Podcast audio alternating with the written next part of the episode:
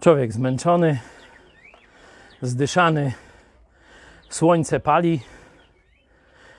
W tym momencie można łatwiej zrozumieć słowa Biblii, które mówią: W cieniu skrzydeł Twych rozraduję się.